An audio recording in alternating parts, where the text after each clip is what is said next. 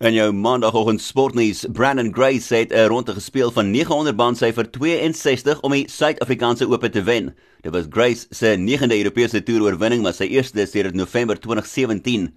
Hy eindig op 21 onder bandsyfer, 3 houe voor oornag voorloper en mede Suid-Afrikaner Louis Oosthuizen, wie se laaste ronde van 68 'n volmaakte gelukshou ingesluit het.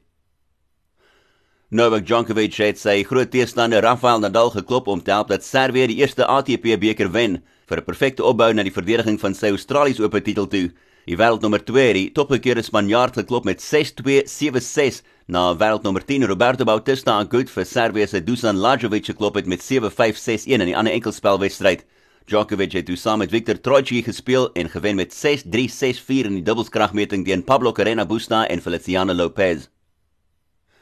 En laastens motorsportnuus. Carlos Sainz het sy greep verstewig op die Dakar tydren nadat hy gister sy sewende skof gewen het vir sy derde skof oorwinning in verjaar se weergawe.